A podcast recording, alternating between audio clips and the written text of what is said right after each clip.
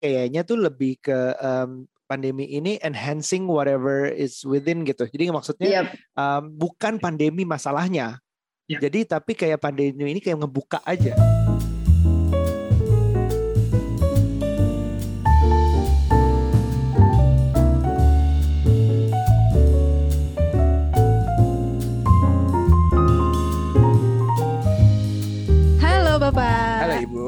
Hai, kembali di Curhat Babu, curhatnya Bapak dan Ibu.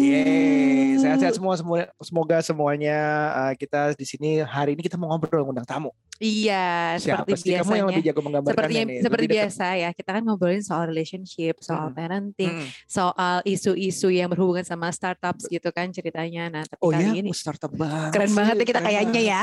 Ah, funding. Oke, nah tapi untuk episode kali ini kita Ah. mau mengundang tamu spesial datang dari Jogja. Tapi kali ini datangnya dari secara virtual saja. ada di layar komputer kita sekarang kita lagi ngobrol hari ini yang kita udah janjian ketemu oh, sebenarnya tapi gagal waktu itu Gagal melulu Akhirnya ya. sekarang kita bisa langsung bawa ke podcast aja Iya, halo ada Mbak Analisa Widyaningrum. Halo Mbak Ana. Hai Mbak Nuca, Mas Aryo, apa kabar? Baik, dan di sini juga hadir Mas Aji nih, suaminya Wah, Mbak Ana, seorang nih. praktisi hukum. spesial nih dua-duanya Halo Mas langsung kita dapat Aji. ya nih, kita look up Mas banget Aji sama suaranya kalian agak- nih. agak jauh kayaknya Iya. Oh ya sekarang ah aman. ah ya udah sekarang udah, oke udah, udah. nggak Oke. apa-apa Nah, Mas Aji dan Mbak Ana nih kan dua-duanya profesi yang menurutku cukup serius ya, gitu kan. Mbak Ana psikolog, Mas Aji eh, praktisi hukum. Dulu waktu pacaran gimana sih banyak aturan dong kayaknya ya dan bentar-bentar kayak dianalisis gitu gak sih kamu tuh kayaknya orangnya bicara psikologi gitu gitu gak sih mas Dia dulu adalah pa- partisipan waktu aku praktikum, terus ketahuan semua disease-nya. Ya, kebetulan eh, kebetulan kita pacaran sebelum kita eh, mulai sekolah eh, profesi kita sekarang. Mbak. oh Dari zaman sekolah, Ini kita bocoran pacaran nih, ya. bocoran. Tapi moga-moga anak-anak nggak dengerin ya. Mereka taunya bapak ibunya pacarannya kalau udah S2. Ya, oh oke aku kada aku kasih kada luar di podcast ini deh nanti. Enggak, enggak apa-apa, Mbak. jadi jadi aku pacaran tuh dia waktu itu masih SMP, Mbak. Pasti ke SMP. Imagine. Dan oh aku gitu kuliah semester 1, tapi waktu itu kuliahnya masih belum di jurusan yang sekarang belum dihukum, masih di teknik informatika waktu itu aku. Oh Dia kakak kelas aku SMP, tapi di SMP kita nggak pernah ketemu. SMA-nya sebelah SMP ku. Jadi dia Ya. ngincep aku waktu dijemput mama, uh ada anak SMP gitu. Uh ada anak SMA. Terus baru deh waktu kuliah ya, baru akhirnya ini ya dapet ya. Jadi waktu awal-awal pacaran kita belum menggeluti Bidang. ilmu, ilmu yang Bidang kita ini. sekarang. Yep.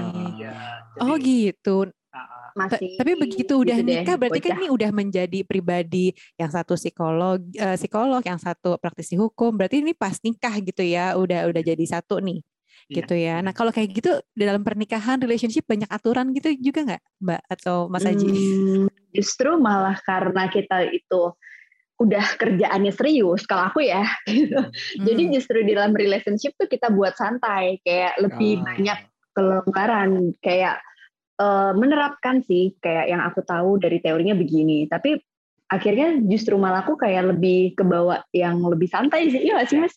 Iya, kalau aku juga gitu, Mbak. Mungkin mungkin orang pikir tuh kan oh, orang hukum tuh gini ya, Aku aturannya gini. tegas gitu. Iya. Di kerjaan terus terang aku ada ininya. gitu. gitu banget. Tapi sama kayak dia nih. Jadi kalau di rumah aku tuh orangnya santai banget, jauh lebih santai dari dia malah. Hmm. Jadi masalah eh, ini nggak nggak bagus juga sih ya masalah waktu, masalah apalah apa pun itu tuh aku santai banget sesantai itu. Kita tegang nih ya kayak tadi. Ayo kita kita janjian jam 10 gitu. Aku yang ngomel nih ya. Terus habis itu dia yang kayak uh, treadmillnya agak lama bapak ya.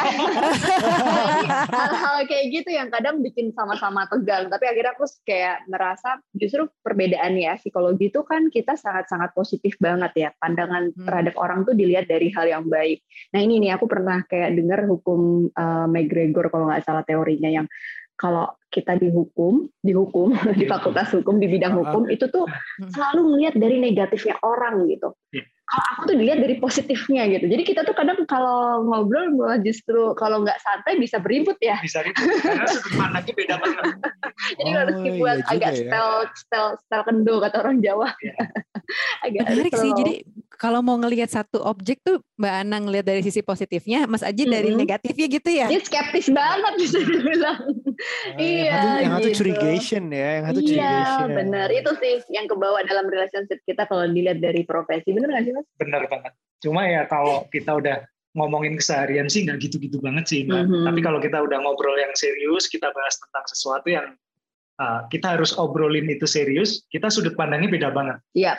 Misal kita ngeliat orang Fenomena gitu. uh, uh, fenomenal atau orang uh, dia selalu melihat oh dia ngelakuin itu mungkin akan gini mas Hmm. dari sebaliknya loh dari, Curigation. dari mana kamu berpikir bahwa dia akan melakukan itu Iya, iya, iya. Kalau Jadi aku kita masih malah dari sudut pandang yang ya Tapi bagus skeptis banget lah Tapi bagus, itu berarti rumah tangganya lengkap dapat dua sudut pandang yang berbeda. Maka bahwa setiap Mungkin hal ya. juga harus dilihat plus minusnya kan ya. Iya, iya, iya.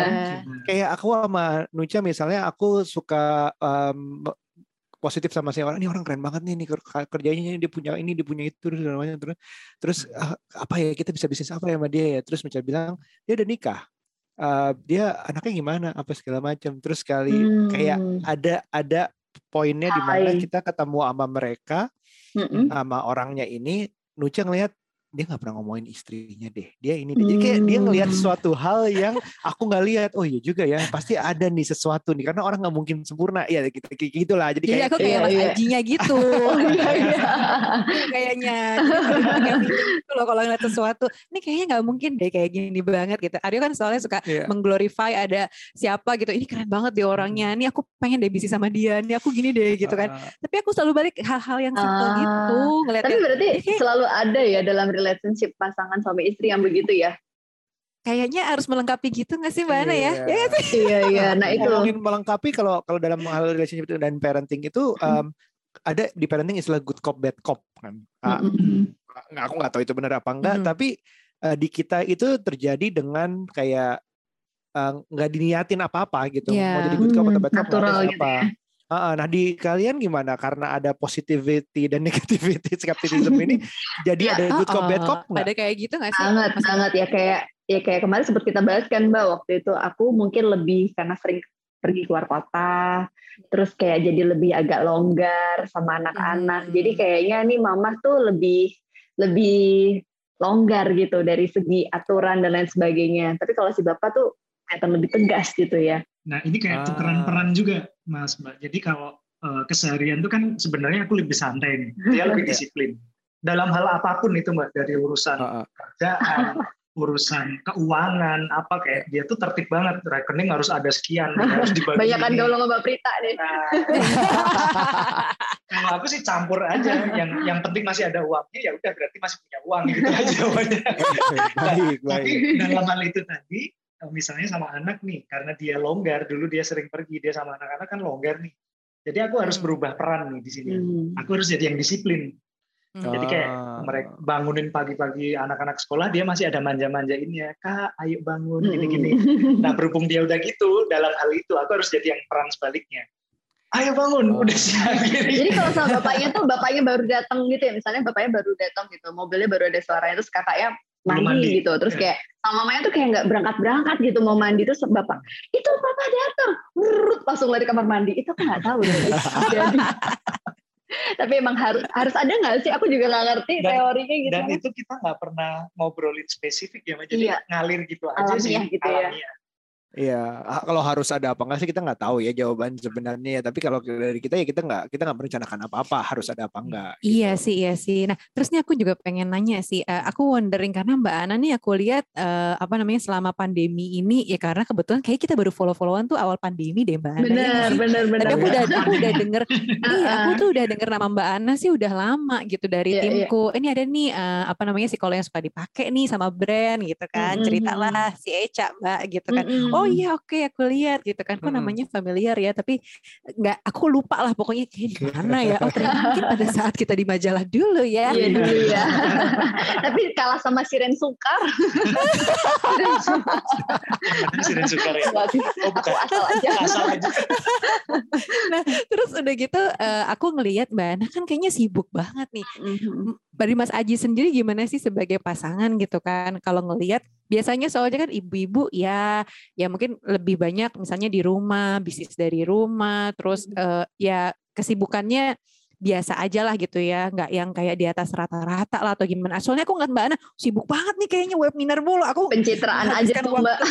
webinar aja kayaknya udah lelah gitu. Nah ini Mas Aji gimana? Apakah meras ya kerasa atau enggak sih? Maksudnya kesibukan Mbak Ana ini kayaknya lumayan gitu ya. Lagi dulu ya sebelum pandemi ya. Ya sebelum pandemi. Ya jadi gini Mbak, dari awal kenal, aku tuh hmm. tahu banget dia tuh uh, kayak apa. Jadi hmm. mungkin ini kita kayak nyambung dikit ke masalah parenting tadi ya. Hmm. Jadi ibuku itu orang yang ini mbak uh, gila kerja banget. Hmm. Memang oh. memang ibu itu PNS ya waktu itu ASN ya. Hmm. Cuma sambilannya banyak. Okay. Jadi hmm. pokoknya uh, setiap waktu tuh harus diisi dengan gerak, harus kerja. Iya, Mbak. Ibunya dia tuh nah, sampai sekarang luar biasa nah, banget. Nah, mungkin itu nggak uh, di alam bawah sedikit di alam bawah sadar, aku tuh kayak nyari waktu itu nyari pacar ya, nyari calon istri itu mirip. Nggak tahu, nggak, nggak ada kriteria khusus sih, cuma uh, ketemunya dia yang tipenya kayak gitu. Organisasi gitu-gitu ya. Ya banyak maunya, banyak kegiatannya dan macam-macam. Nah akhirnya kita nikah, sempat hmm. tuh di awal-awal nikah itu kayak ada rasa ego lah sebagai hmm. laki-laki. Udah cewek tuh di rumah aja, ya. cowok yang kerja. Aku tuh bisa hmm. nyari duit sendiri. Sempat ada gitu. Nah, tapi yang terjadi adalah Sarah, jauh lebih sibuk daripada suaminya. Dan awal-awal ngerasa gini sih Pak, hmm. ngerasa bahwa ini istriku bawel banget ya kalau di rumah terus kayaknya. Oh iya iya benar-benar. Jam kerja misalnya pulang jam 4 Itu ya, waktu aku jobless ya. ya waktu jobless. jam 4 lebih satu menit udah nelpon Mbak kok belum pulang jam segini? Gini gini gini. merawat bayi di rumah. Ijazahku ditaruh di meja. Dramatis banget ya. Jadi nah, akhirnya, itu lucu uh, banget tuh momen itu ya. Iya jadi akhirnya kepikiran bahwa oh, satu ngerasa nggak nyaman yang kedua aku juga nggak nyaman kalau istriku merasa nggak nyaman dengan keseharian. Kayak nggak happy gitu aku ketika ya, jadi ibu, oh. ibu di rumah saja tanpa aktivitas lain. Ya. Jadi itu memang satu pelajaran yang cukup berarti. Uh, dan bapak hanya bertahan berapa bulan pak waktu saya di rumah bawel itu? Nggak ada. jadi itu awal mula aku bikin APDC itu juga karena itu sih Mas Aryo Manuja waktu itu kan aku memang menikah di tengah S2 waktu itu harapan orang tua aku sebenarnya aku harus nikah kalau udah S2 gitu. Karena waktu itu aku dapat beasiswa S beasiswa aku itu kayak ada syarat ketentuan berlakunya. Harus lulus 2 tahun IPK harus di atas sekian. Jadi kalau itu nggak tercapai aku kayak dapat ya suruh balikin dan moral juga ya. Nah akhirnya waktu di tengah S2 dia ngajakin nikah karena kita pacaran udah terlalu lama gitu kan. Hmm. terus waktu dia ngajakin nikah aku sempet kayak wow aku kan belum tesis, belum ini, bisa nggak ya gitu. Akhirnya dia membawa nilai-nilai agama. Lalu akhirnya bapakku lulus juga. Tapi bapakku sempat pesan, e, oke, okay, uh, eh, nggak tahu sih waktu itu aku dengar kayak anakku ini tuh dari dulu, ya kamu tahu kan Ji, kalau anakku nggak bisa di rumah aja dan lain sebagainya, dia lagi S2, kamu harus hmm. support dia untuk tetap beraktivitas lalala. Oke okay, Pak, kita janji anak tetap lulus S2 dengan baik. Itu kita pegang banget. Dan pada saat aku lulus S2, itu kayak achievement yang luar biasa karena sambil hamil sambil ngelahirin ya. itu gila banget ya mas aku juga kayak wow pantesan Rafa kayak gitu kemarin kita lihat foto wisudanya dia uh -uh. aja kita tuh amazed gitu mbak ini Rafa dulu masih sekecil ini yang kita bawa ke acara wisuda. Iya, itu aku ter hari Jumat aku sidang tesis, Senin tuh aku lahiran gitu. Jadi bener-bener kayak wow. perut gede ke kampus gitu-gitu. Dan kalau aku tuh memang dari dulu orangnya kalau punya mau tuh aku gigi gitu dan itu yang dia lihat dari aku dari dulu makanya ketika istrinya tidak ada apa-apa tuh energiku habis buat nelponin dia setiap teror mulu ya mas cepat jadi ya. awalnya sih ya aktualisasi itu ya awalnya ya. jujur aja aktualisasi sampai akhirnya kita melihat bahwa oh ini prospek juga untuk kita nyiapin finansial lebih baik buat anak-anak kita jadi support terus dan bagi tugas yang uh, sangat sangat challenging juga perjalanannya. iya nyambung dikit sih jadi mm -hmm. uh, kalau aku sih gini sih mbak jadi profesi apa pun sebagai istri itu bagus ya. Misalnya ibu rumah tangga itu juga bagus. Perempuan berkarir itu juga bagus juga. Cuma yeah. yang jadi catatan itu mereka harus ngelakuin itu berdasarkan keinginan dia sendiri. Iya betul. Jadi Setuju. kayak aku kemarin uh, dulu pengalaman kita dia jadi ibu rumah tangga itu kan setengahnya aku yang nyuruh nih. Udah kamu di rumah aja jadinya nggak bagus gitu loh. Iya. Nah iya, akhirnya iya. malah hubungan kita itu jadi lebih baik bisa kayak sekarang justru karena dia ketika dia kembali berkarir lagi seperti apa yang dia pengenin. Hmm. Jadi akhirnya dia bahagia, akunya juga ternyata lebih bahagia ketika dia berkarir. Ya udah kita jalanin dan bisa alhamdulillah sampai sekarang. Ya. Ini sekarang. ini yang kita yang aku anut happy wife happy life. Tapi happy wife-nya itu bukan dengan dibeliin segala pun yang mm -hmm. dia mau, tapi lebih membiarkan dia berdaya, dia melakukan Betul. sesuai dengan sebenarnya dia tuh pengen jadi apa, itu kejadian baru dia happy, ya itu happy life juga jadinya yep. akhirnya buat buat suaminya. Itu yang dimaksud dengan happy wife happy life kali ya di aku ya. Iya iya iya iya. Nah terus kalau misalnya gini mas, sebelum pandemi mbak Ana ini kan travelingnya banyak banget nih. Bahkan mungkin uh, katanya Mas Aji, Mas Aji lebih banyak di rumah sama anak-anak gitu kan, karena banyak ke mana-mana. Nah ada nggak sih learnings dari situ atau justru nih karena hmm. ada perbandingan kan uh, hidup before uh, corona sama hidup hmm. di masa corona sekarang gitu kan uh, apakah ada learnings dalam artian oh kayaknya Mbak Ana nih uh, sebagai ibu sebagai istri ada baiknya mengambil pekerjaan misalnya yang kayak gini-gini aja nih nggak lagi hmm. deh balik kayak misalnya dulu gitu atau ada learnings apa dari kesibukan-kesibukan yang sudah berlalu kemarin? yang jelas ya? kalau aku disuruh tanya nggak mau balik offline. kalau bisa online online bohong banget kalau mau offline ya.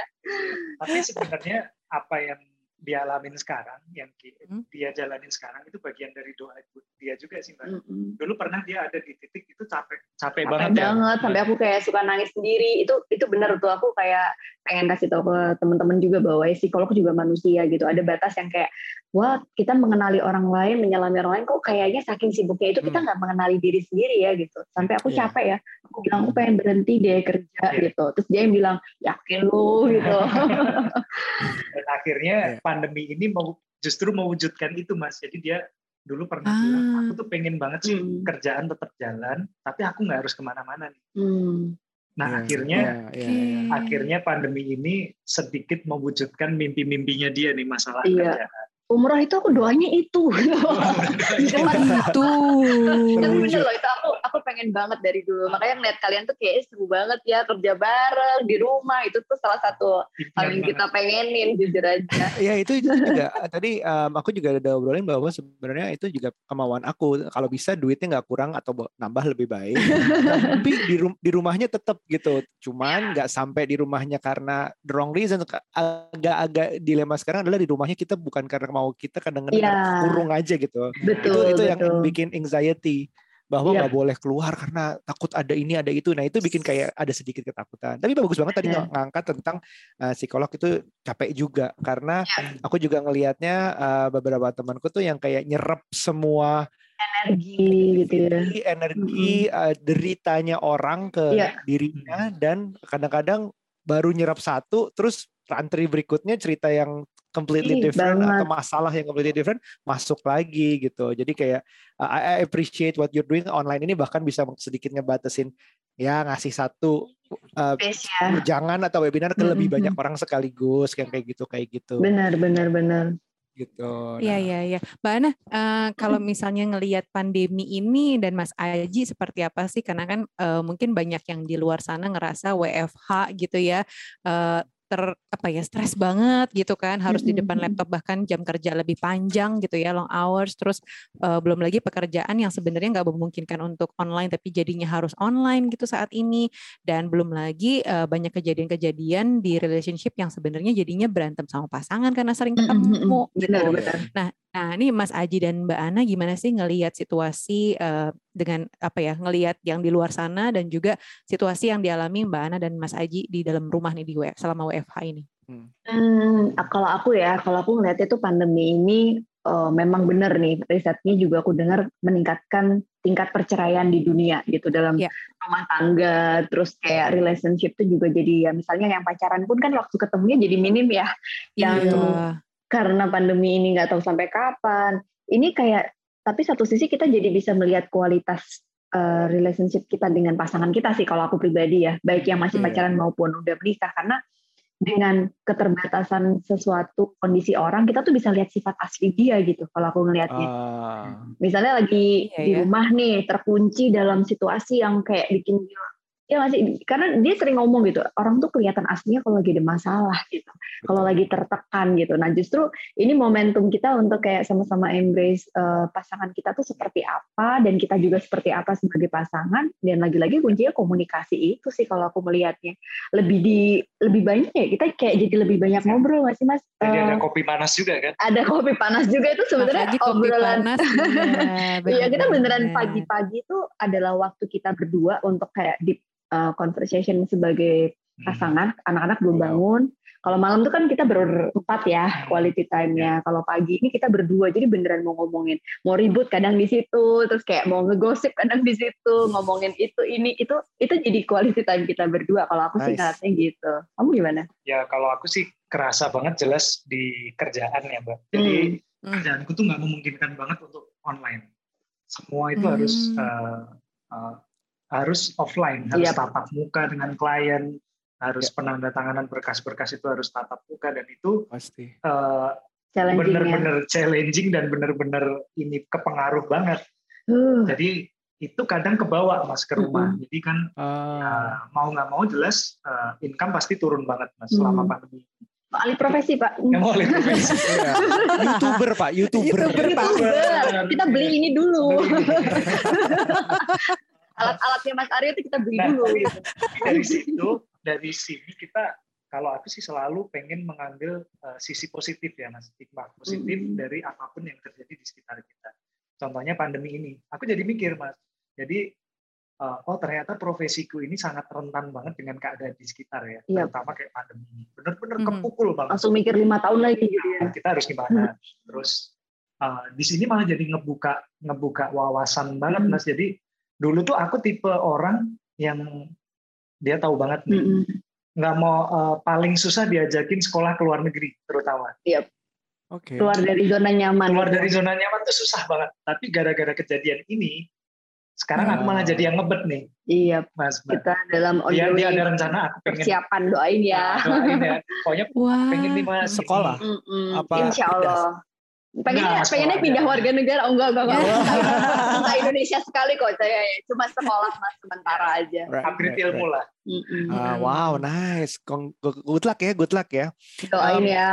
Aduh jadi iya, kalau seneng menyambung pertanyaan Uca tadi kayaknya tuh lebih ke um, pandemi ini enhancing whatever is within gitu. Jadi maksudnya yep. um, bukan pandemi masalahnya Ya. Jadi tapi kayak pandemi ini kayak ngebuka aja sebenarnya iya. kayak karena ketertekan, karena masalah, iya. karena stres. Itu reaksi kita nggak sih sebenarnya yang paling kita penting. jadinya seperti hmm. apa. Jadi kalau hmm. misalnya teman-teman ada yang ngerasain kayak gitu bukan don't blame the pandemic sih sebenarnya. Yep. Iya. Tapi to, um, bukan masalah blaming juga tapi ngelihat ke dalam dirinya sendiri dan pasangannya mungkin ada probably ada underlying problems juga kalau misalnya itu jadinya mm -hmm. iya, benar, masalah benar. gitu. Takutnya pandemi cuman sebagai yang membawa ke permukaan, triggernya. Mm -hmm. Benar. Nah itu kan kemarin Mbak Mbak Nalisa dan keluarga juga habis jalan-jalan nih. jalan-jalan yang kita kita kemarin juga sebenarnya kita pengen, cuman kayak kita aduh aduh gini, gini masalah terus. Um, aku ngelihatnya nggak apa-apa. Eh, setiap orang tuh kayak punya battle yang dia uh, yep. fight sendiri di pandemi Betul. ini dengan adanya cara yang berbeda-beda. Mm-hmm. Walaupun bedanya kadang-kadang di netizen sih banyak yang bedanya jauh banget nih cara nanganin masalah benar, ini nih. Benar. Um, justru aku ngelihatnya aku sama Nucha tuh kadang-kadang ah, kok dia gitu ya. Um, wah ini kan ada orang di Twitter loh sih masih kayak gini, masih jalan-jalan, masih mm-hmm. ada yang main sepeda, ada yang apa. Uh, tapi kita juga berusaha ngelihat ternyata kadang-kadang ada yang um, itu cara dia ngatasin yang mungkin masalah lebih berat lagi gitu yeah. buat dirinya. Yeah. Misalnya kerja, kenapa kerja? Awalnya kita emang nggak bisa kerja di rumah, sok ngejudge gitu nih kita. Ternyata memang beberapa kerjaan harus kayak gitu, atau enggak dia will lose his job yeah. kalau nggak kayak gitu.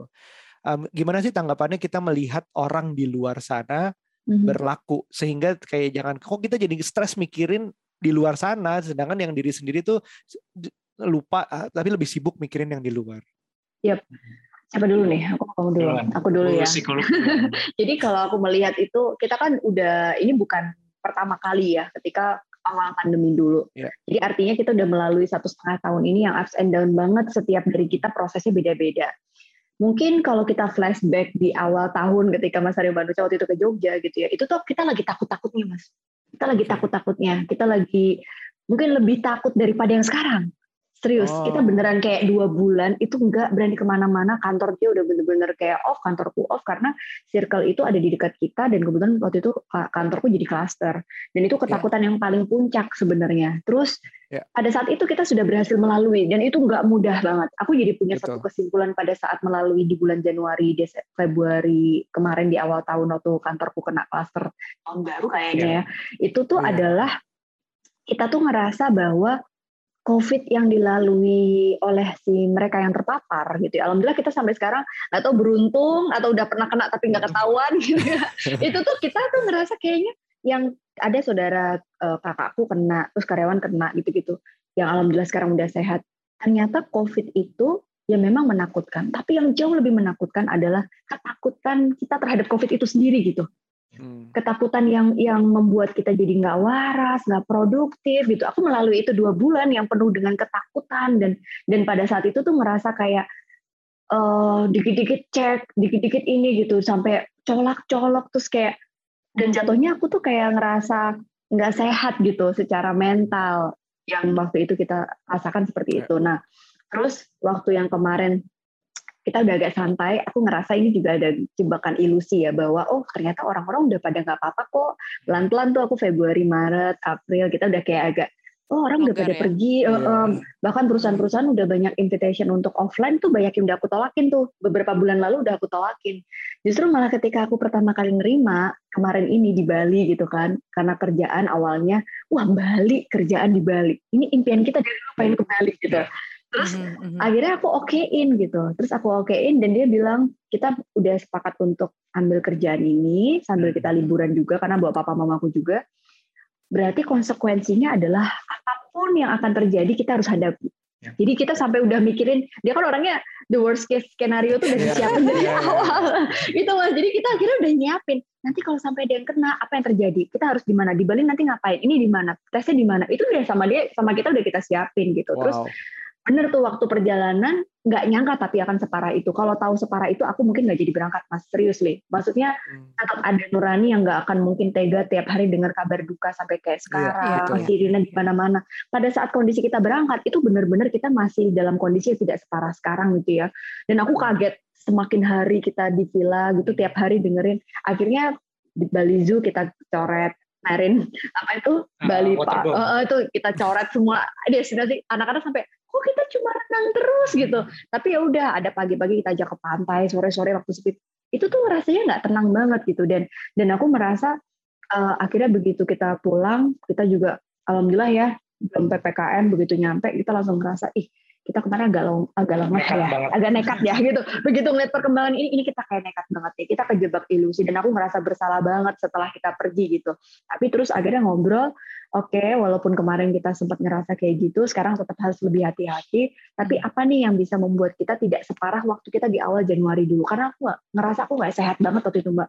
Melihat orang gitu posting apa, aku sebel banget gitu rasanya. Aku di iya. rumah terus, terus ini gitu jadi akhirnya di sekarang uh, kita sama-sama saling ingetin buat sama-sama uh, jaga tetap kita waspada banget kita sampai beli alat tes itu dan kayak apa ya namanya tapi lebih siap cuma juga takut juga gimana tuh jadi kalau aku nambahin dikit sih ya mbak ya. sama Mas Aryo hmm. jadi kalau aku sih dulu uh, awal-awal pandemi itu sama ngerasainnya ngelihat berita tentang covid apa tuh selalu panik sampai aku uh, justru ingin memperdalam pengetahuanku tentang pandemi ini. Hmm. Sampai di saat sekarang itu malah setiap melihat berita, aku tuh alhamdulillah udah nggak selalu takut sama sekali. Karena hmm. udah menguasai banget. Dia fight gitu, Maksudnya, aku fight. Ilmunya, ilmunya aku udah udah tahu banget. Ya udah ini nggak bisa dihindarin, ini karakternya seperti ini dan lain-lain. Nah, aku namain juga bahwa setiap orang punya hak ngadepin pandemi ini dengan cara seperti apa, hmm. dengan yeah. pola pikir seperti apa. Dan yang nggak perlu kita lakukan adalah kita memaksakan paham kita kepada orang lain. Yeah. Nah, kebebasan itu tapi juga ada batasnya bahwa apa yang kita lakukan itu jangan sampai ngebahayain orang lain. Misalnya nih, hmm. kita punya paham bahwa hmm. oh nggak pakai masker tuh nggak apa-apa, tapi kan itu ngebahayain orang lain. Hmm, Betul. Nah, itu jangan, itu jangan. Yeah. Tapi misalnya kalau yang masih oh aku masih oke okay nih kerja aku masih oke okay nih keluar ke sini karena aku pakai masker double pakai apa uh, aku rasa sih kalau kayak gitu masih oke oke aja orang lain nggak nggak usah terus oh dia masih keluar sih? Kok dia masih ini sih? Nah, sepanjang itu nggak ngebahayain orang lain sih kalau menurutku sih masih. Oke okay, life must yeah. go on ya Soalnya memang melelahkan banget ya situasi sekarang ini. Iya, iya aku juga ngelihatnya salah satu alasan liburan adalah uh, kemarin waktu kita ke Jogja juga um, itu udah dibikin seaman mungkin adalah anak-anak hmm. gitu. Hmm. Benar anak is missing pertama missing banget adalah sekolah, hmm. ketemuan, Benar. interaksi iya. dengan anak lain yang seumuran kan itu perlu banget mereka. Terus hmm. akhirnya di blok nggak bisa. Nah kita harus cari sesuatu yang bikin masa kecilnya itu ini jalan terus loh dia tambah umur terus loh apalagi umur lima tahun mm -hmm. pertama jadi kita kasih sedikit memori um, road trip lihat-lihat jalanan mm -hmm. gitu atau nggak terus berenang atau apa sama, sama neneknya juga ya waktu mm -hmm. itu ya. kita juga ngelakuin hal-hal seperti itu. Jadi um, temanku juga ada yang ke Bali tapi nggak bilang-bilang di sosial media rencananya. Itu semua tapi alasannya demi anaknya Iya, Anakku iya betul. Udah udah mumet banget di rumah, udah aku nggak tahu lagi mm -hmm. mau ngapain gitu semuanya dia ceritain. Mm -hmm. Sama jadi, banget ya sebenarnya. Benar-benar. Uh, uh, itu juga aku juga uh, jadi um, kita selalu kalau ngelihat seseorang yang lagi apa, let's think about it apa ya yang behind the itu gitu. Jangan sebelum kita ngejudge dia apa, mungkin dia lagi apa, mungkin dia apa gitu. Iya. Mungkin alasannya ada apa ya hmm. macam-macam lah seperti itu. Nah terus um, tambahan dong kasih uh, kasih tahu kita atau orang tua juga yang merasa ini demi anak-anaknya. Apa sih yang bisa dilakukan biar anak-anak nggak missing this golden years mm-hmm. uh, growing um, atau yang nggak usah golden years lah udah gede juga dia makin yang teman-temanku yang anaknya udah remaja juga kasihan gitu apalagi anak remaja yang teman-temannya boleh party ulang tahun kok aku nggak boleh gitu ada yang beda prinsip orang tuanya kan mm-hmm. gitu mm-hmm. apa sih yang bisa kita kasih anak pengertian atau kegiatan atau apa gitu terutama di ini. di golden age ini sih mbak Ani pandemi ini ya kita sebagai uh, kita sebagai orang tua nih katanya tujuh tahun pertama tuh kan masa-masa yang paling uh, emas banget buat anak anak-anak. Ada yang bilang lima tahun, ada yang bilang tiga tahun pertama. Nah ini kan banyak sekali nih bayi-bayi pandemi. Terus mungkin anak ya. anak-anak kita yang uh, anak-anak pandemi gitu. Nah kira-kira menurut Mbak Ana sendiri kita tuh harus seperti apa sih sebagai orang tua supaya mereka tuh punya masa-masa uh, golden period Betul. yang yang menyenangkan, yang memorable juga gitu. Mm-hmm. Ya ini juga dari kemarin tuh jadi pertanyaan kita dan jujurnya sampai kita kemarin waktu ngeliat mereka di Bali tuh senang banget gadgetnya lepas, terus kayak mereka bisa happy itu gitu. Dan itu yang sebenarnya mereka butuhkan gitu. Dan yang aku dari kemarin selama pandemi wondering itu adalah uh, kira-kira nih mereka sebagai generasi yang akan meneruskan perjuangan bangsa Indonesia gitu ya setelah pandemi ini gimana ya kalau mereka kehilangan momen-momen yeah. penting? Kembali ke orang tua itu sih makanya penting untuk kita me menyadari kesehatan mental kita itu sih ya kesehatan mental kesehatan fisik juga itu tentunya. Yeah spiritual sih gitu. Karena orang tua yang akhirnya dan finansial. Yang akhirnya sehat semuanya itu tadi dia akan dengan mindful uh, menjadi orang tua yang hadir penuh untuk anaknya di rumah. Karena banyak banget orang tuanya juga stres anaknya juga jadi stres. Itu jauh lebih bahaya dari sekedar mereka mendapatkan stimulasi dari uh, kelas edukasi formal gitu. Hmm. ibaratnya apa ya uh, jadi kembalikan lagi ke optimalisasi interaksi anak sama orang tua terus kreativitas kita juga jadi orang tua biar anak nggak bosen kayak tadi kita yeah. baru misalnya pasang ring basket di garasi gitu yang Asik.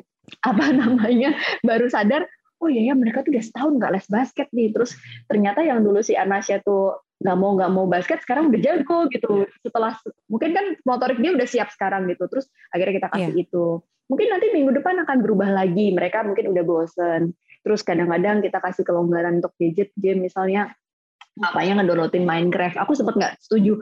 Nanti dia bisa bisa online sama orang lain loh. Problem gitu, aku gitu. juga loh mbak. Tapi emang dia apa-apa gitu kata dia gitu kan. Jadi terus nah, solusinya pikir belakang. ya udah itu tapi ya udahlah bapaknya gitu. Terus aku paling dari sisi yang lain. Misalnya aku lengkapin dengan ada aku beliin buku-buku Oxford, aku kasih semua gitu-gitu biar nggak terlalu banyak di sananya. Tapi ya akhirnya itu sih kita lebih adaptif, fleksibel jadi orang tua ya, lebih komunikatif betul. sama mereka dan interaktif itu kalau dari aku lakuin yang kita bisa lakuin mungkin kan right, terus ya right, right. kan mm-hmm. yang yang ada di depan mata aja contohnya mm-hmm. kita sekarang semua kita harus ada di rumah ya udah kita kasih mereka interaksi yang intens antara orang tua dan anak. Karena aku yakin banget sih bahwa uh, apa ya interaksi ketika mereka kecil itu akan melekat terus sampai hmm. mereka dewasa. Hmm. Sehingga uh, wow. mungkin di sederhana aja sih. Jadi jangan sampai di pikiran mereka itu yang terkenang sampai mereka gede besok bahwa aku dulu zaman umur segini ngalamin pandemi loh ini enggak tapi iya, justru dialihkan ya. di umur segitu tuh aku intens banget loh sama papa mamaku iya sesimpel itu sih mamaku nggak terbang-terbang lagi. Nah. nah, itu baru berhasil tuh orang tua mengalami pandemi ini. Semoga ya. Ini semoga. tapi sambil belajar juga loh kita absen down juga ya mas. Uh, nanti ya makanya nanti kita lihat ya anak-anak kita akan cerita hmm. apa ke temennya di saat udah umur mungkin lima tahun 10 tahun dari sekarang hmm, gitu. Uh, iya waktu itu aku deket banget waktu mama papa di rumah mulu gitu. Tapi sekarang udah nggak gitu sih Jadi, um, tapi berikutnya pokoknya kalau kita ke Jogja lagi kita harus ketemu ya iya dong ya. semoga kondisi sudah membaik kita bisa iya. double date-nya bawa anak-anak ya Iya. Kita seneng betul. banget Jogja kemarin walaupun cuman di Ya, dalam sama sih. aja. Kayak kita juga waktu di Bali gitu, terbatas banget ya gitu. Terbatas Tapi waktu banget. waktu di bulan itu kalian ke Jogja, sebenarnya situasinya tidak separah waktu kita kemarin di Bali sebenarnya. Iya. Lihat iya. maksudnya dari segi angkanya juga tidak setinggi sekarang, vaskes kita juga waktu sampai sana, what kayak gini mas aku sampai sempat mohon maaf ya aku sampai niat uh, berita-berita tentang pandemi tapi dia tetap update jadi dia yang menyaringnya nyampein ke psikolog yang lagi panik yeah. gitu betul betul betul, betul. ya mudah-mudahan kita deh. semua bisa um, go through this uh, hmm, we got yep. this lah kita kita kita harus kuat harus bisa uh, kita kadang-kadang buat uh, jangan lupain diri sendiri selain kita udah pasti mengutamakan anak-anak lah secara tidak mm -hmm. sadar tapi jangan lupa juga untuk uh, menenangkan diri sendiri ya, ya, menenangkan ya, uh, melakukan melakukan apa yang bisa bikin kita senang sedikit-sedikit, hmm. mungkin coba dilakukan gitu-gitu. Iya. Oke. Oke, paling itu aja obrolan kita di episode kali ini. Terima oh. kasih banyak Mbak Ana dan juga Mas Aji buat obrolannya dari mulai Makasih relationship, banget. pacaran, sampai gimana cara ya menghadapi dan survive di masa pandemi ini. Seru banget. Yes, jangan lupa juga untuk follow Instagram Mbak Ana, Mas Aji, terus juga YouTube-nya Mbak Ana nih makin naik terus. Aduh, Aduh. apa sih hacksnya? ini sih sebenarnya udah semua yang dengerin udah ya, aku yakin sudah pada follow ya. Iya ya, nanti kita taruh juga taruh lagi di kolom description ya. Atau Mas Haji mau bikin channel sendiri mungkin diumumkan di sini channel gadget atau channel channel sepeda kalau channel sepeda masih masih cari anu masih masih cari insight.